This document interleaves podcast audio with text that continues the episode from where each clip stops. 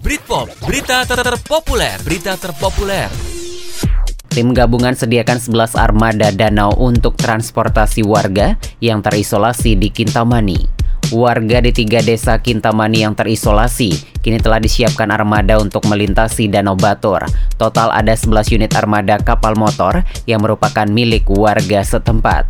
Kasat Pol Air Polres Bangli Ikompol Dewa Made Rencana pada Kamis 21 Oktober membenarkan ada 11 kapal yang disiapkan untuk memfasilitasi warga dari tiga desa yang terisolir, antara lain Desa Terunyan, Desa Bangsongan, dan Desa Abang Batu Dinding. Sebab akses jalur darat hingga kini masih belum direkomendasikan lantaran rawan terjadi longsor susulan. Dari 11 kapal itu, 6 di antaranya standby di Desa Trunyan dan 5 kapal standby di Dermaga Kedisan. Sementara warga dari Desa Abang Songan dan Abang Batu Dinding, Kompol Rencana mengatakan masing-masing desa tersebut ada satu kapal yang standby.